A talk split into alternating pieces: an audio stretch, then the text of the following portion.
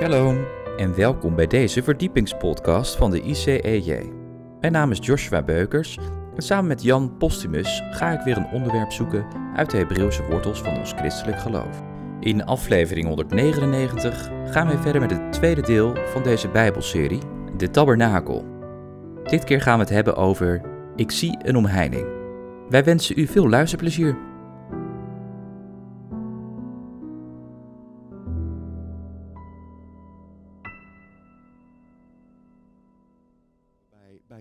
En, en de kleuren en, en de ingang. Oftewel de poort, wat als thema voor deze avond heeft. En God heeft ook heel duidelijk beschreven waar die ingang moest komen. En het, eh, het, het wonderlijk is dat, terug even naar Genesis hoofdstuk 3, dat toen Adam en Eva zondigden, toen verdreef God hen uit het paradijs, uit de hof van Eden. Nou, dat denken we vaak, maar de zonde van Adam en Eva was niet het eten van de vrucht.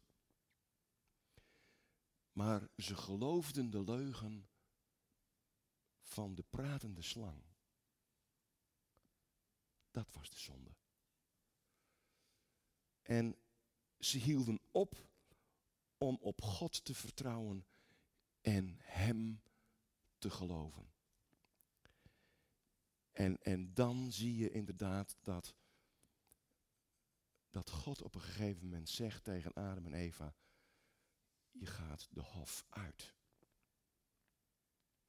En dan stelt God, is ook heel bijzonder om te lezen, ten oosten van de hof, ten oosten van de hof van Eden, stelt God als het ware gerubs op om wat te doen? Nou, om de boom des levens te beschermen. Opdat ze daarvan niet zouden eten. Daarom werden ze verdreven en plaatste God ten oosten van die hof gerubs. Gerubs komen we vaker tegen ook in het woord van God, zelfs ook in de tabernakel.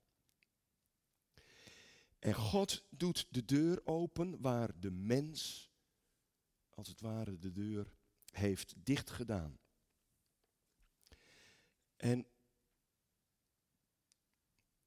het mooie is dat wanneer Jezus bij zijn wederkomst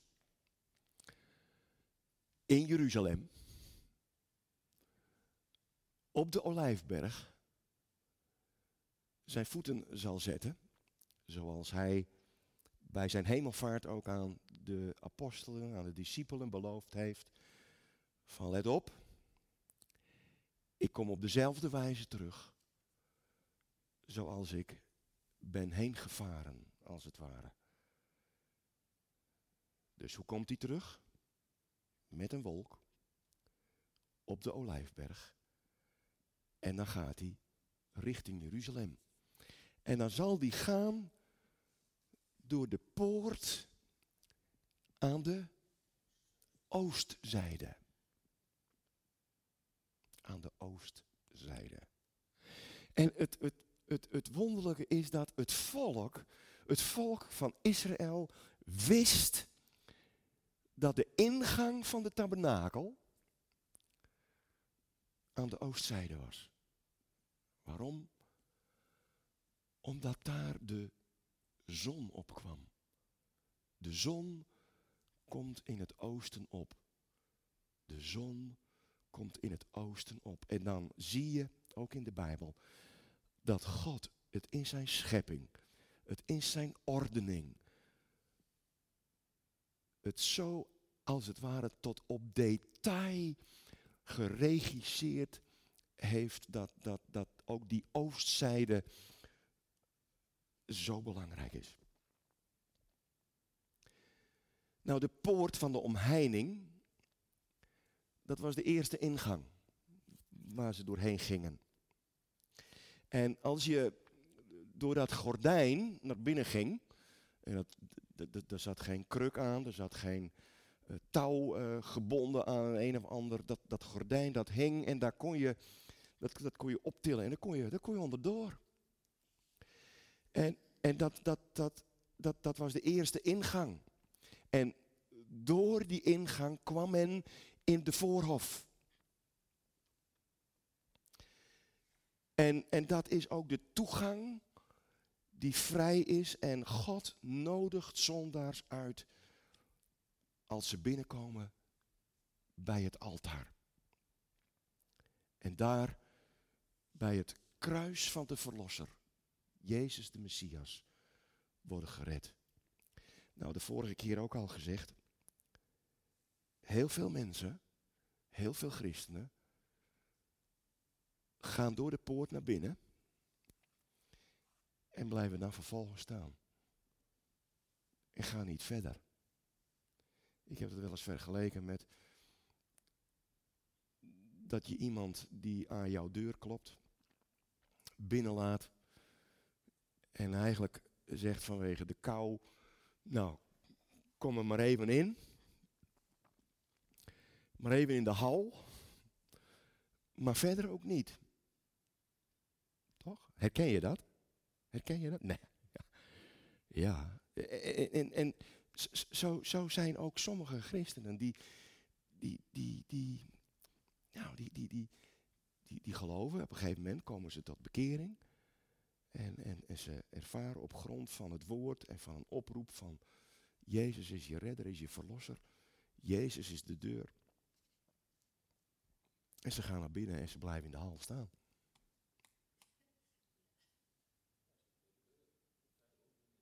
Ze blijven in de hal staan. En, en, en dat, is, dat is jammer, want weet je, er is meer. Ook in die tabernakel. Er is meer. Na de voorhof komt het heilige. En na het heilige komt het heilige der heiligen. Waarvan wij nu weten dat ook het gordijn, het voorhangsel, voor het heilige der heiligen. En hoe was dat geborduurd? In vier kleuren. Met gerubs daarin verweven. Hoe bijzonder. En als Jezus aan het kruis op Golgotha sterft, dan scheurt het voorhangsel van boven naar beneden. En de weg naar de Vader is vrij. Je ziet ook eigenlijk binnen de tabernakel de drie eenheid van God. Jezus door de voorhof. Kom je bij het offer van Jezus en kom je bij het kruis. En vervolgens ga je, en, en, en dat, dat wordt ook wel het feest van van de zoon genoemd. Pesach, Pasen. En dan kom je in het heilige. Het, het, het, het als priester eren, aanbidden van God door zijn geest. Het feest van de geest. Pinksteren. En dan mogen we nog een stap verder gaan naar de Vader daar waar tijdens de uittocht van het volk de Almachtige, de Almachtige, als het ware neerdaalde boven de ark van het verbond met het verzoendeksel. En daar woonde God. Daar sprak God van aangezicht tot aangezicht als het ware met Mozes over alles wat van belang was voor het volk. Het heilige der heiligen, het feest van de Vader. Wat het Loofhuttenfeest is. de drie opgangsfeesten. Pesach, het feest van de zoon. Shavuot, Pinksteren, het feest van de geest. Het Loofhuttenfeest, het feest van de Vader. De inzameling van de oogst. Nou, die poort, die ingang, de deur als het ware, die was 10 meter breed. En we zien ook dat, dat die poort, die deur, dat is ook een beeld van de Heer Jezus, die ook in Johannes 10, vers 9 zegt van, ik ben de deur. Wie door mij binnengaat, zal maaltijd met mij houden. En eh, dat, dat is het wonder van wat God bewerkt heeft door het offer van Jezus, zijn zoon. God heeft maar één deur.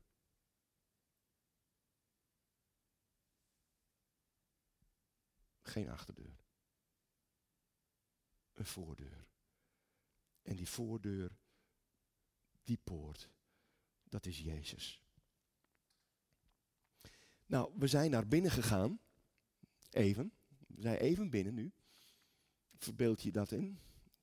Door het offer van Jezus ben je binnen. Buiten de poort ben je automatisch. En om naar binnen te gaan, daarvoor moet je een keuze maken. En dat is ook datgene wat God als het ware in ons mensen gelegd heeft. Hij heeft jou en mij geschapen met een vrije wil. De keus is up to you, is aan jou.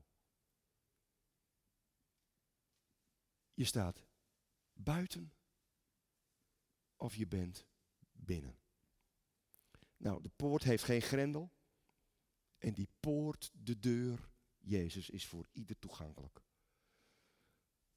En je kan binnenlopen zonder afspraak. Is dat niet mooi? Nou, de eerste poort die je binnengaat is een beginpunt. En nogmaals, er komen meerdere punten om daarin verder te gaan. Je moet verder en stappen maken naar de Vader in de hemel. Openbaring hoofdstuk 22. Daar lezen we het volgende.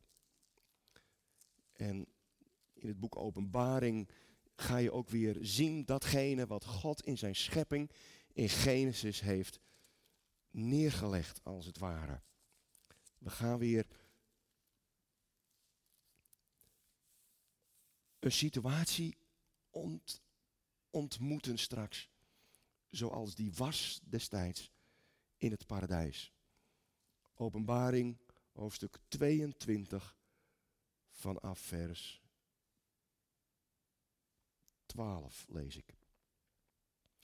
Zie, ik kom spoedig en mijn loon is bij mij, om een ieder te vergelden nadat zijn werk is. Ik ben de Alpha en de Omega, de eerste en de laatste, het begin en het einde. Zalig zij die hun gewaden wassen, opdat zij recht mogen hebben op het geboomte des levens en door de poorten ingaan in de stad. Wat een belofte. Wat een belofte. Ingaan door de poorten en leven dankzij het geboomte des levens, wat er ook zal zijn.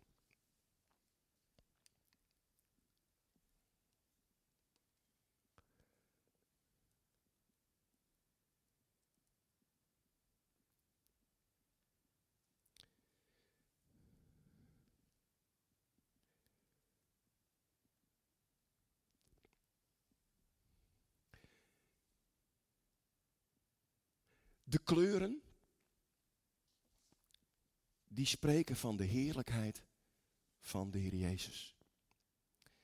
En dat kom je en zie je terug ook in de vier evangeliën.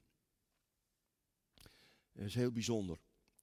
De kleuren die zijn wat dat betreft ook heel belangrijk. En ik weet niet of je dat wel hebt meegemaakt, maar in sommige gemeentes, op sommige conferenties, zijn er ook echt broers en zussen die met vlaggen uh, uh, lofoffers brengen tot eer van de Almachtige.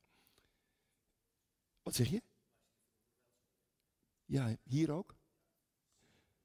Ja, en, en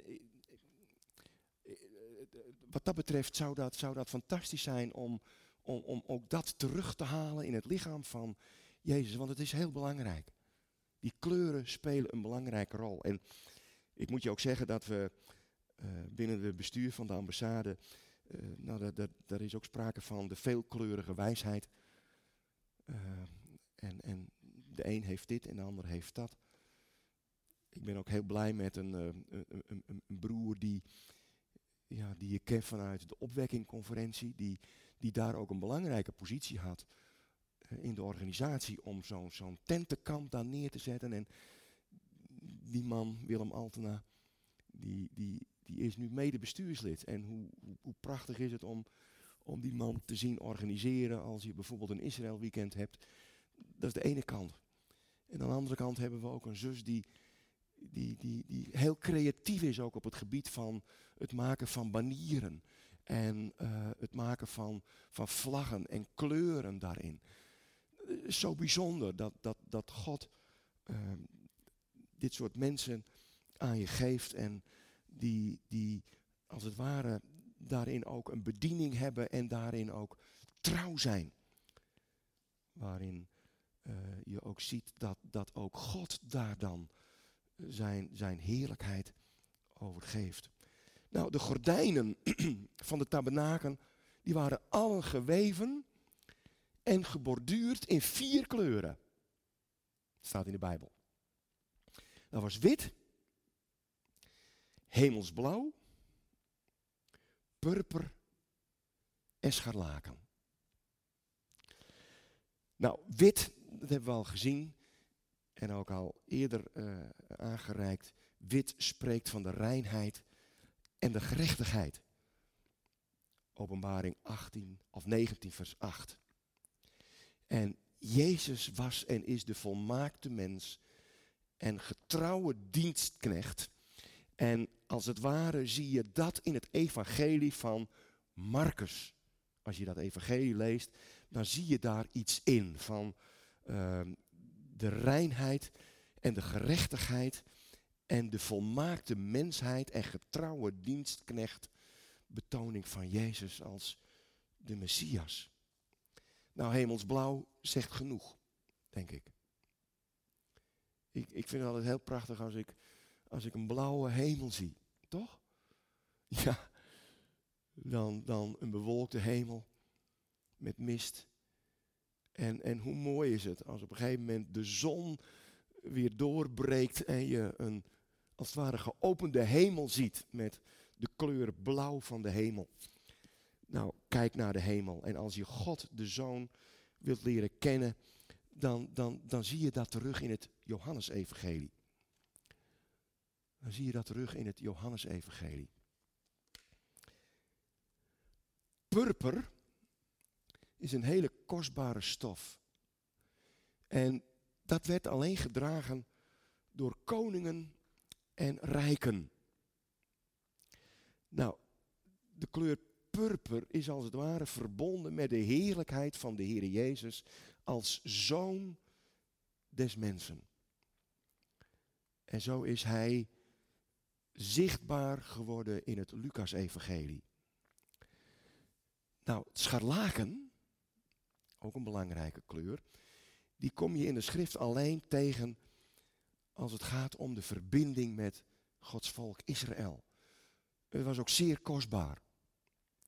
En in Matthäus 27, vers 28 zien we als het ware Jezus die een scharlakenmantel wordt omgelegd.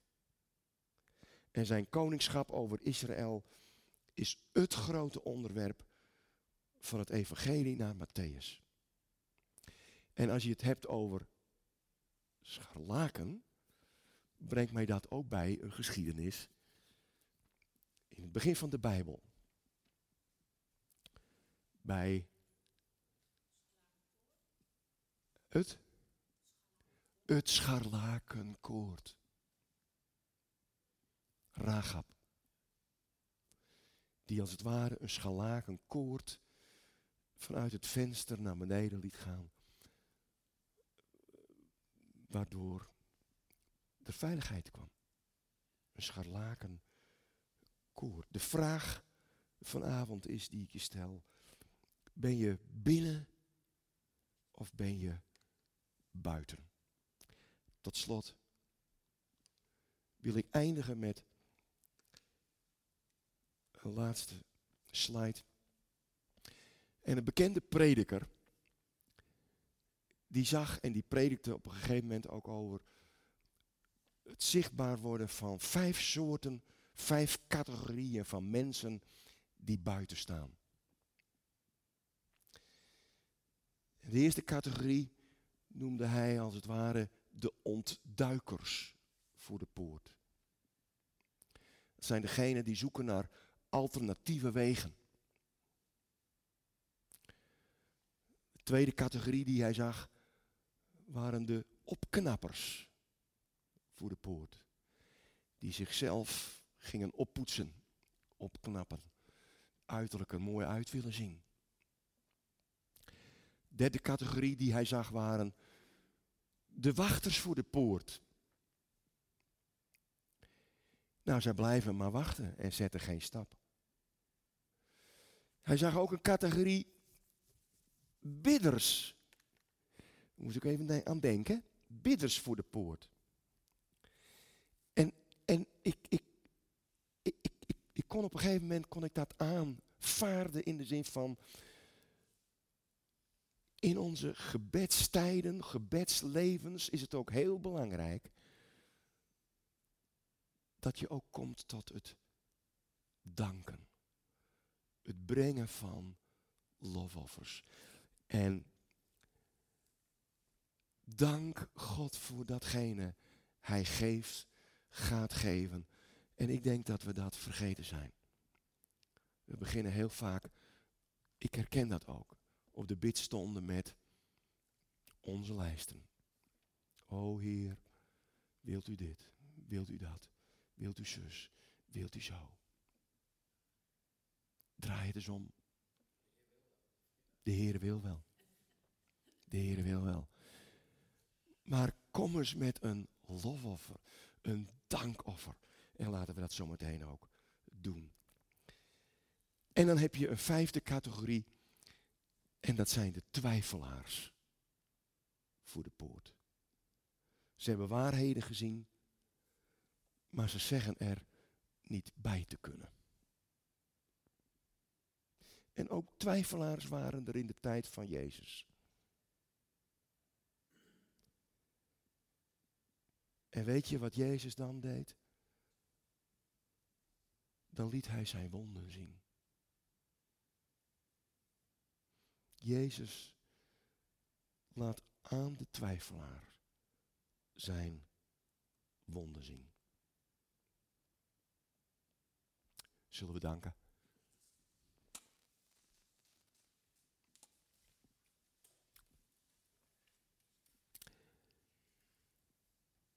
En misschien kunnen we gezamenlijk ook een moment nemen dat we, dat we vanuit ons hart een dankoffer aan Hem brengen. Vader, u zo deze.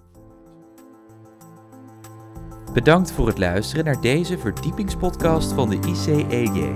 Waardeert u onze podcast? Steun ons dan. Dat kunt u doen door een donatie of door deze podcast te delen met uw vrienden of familie.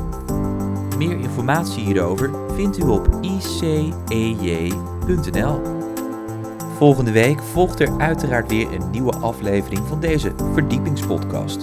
Luistert u weer met ons mee? Ik hoop van wel. Bedankt voor het luisteren en tot volgende week.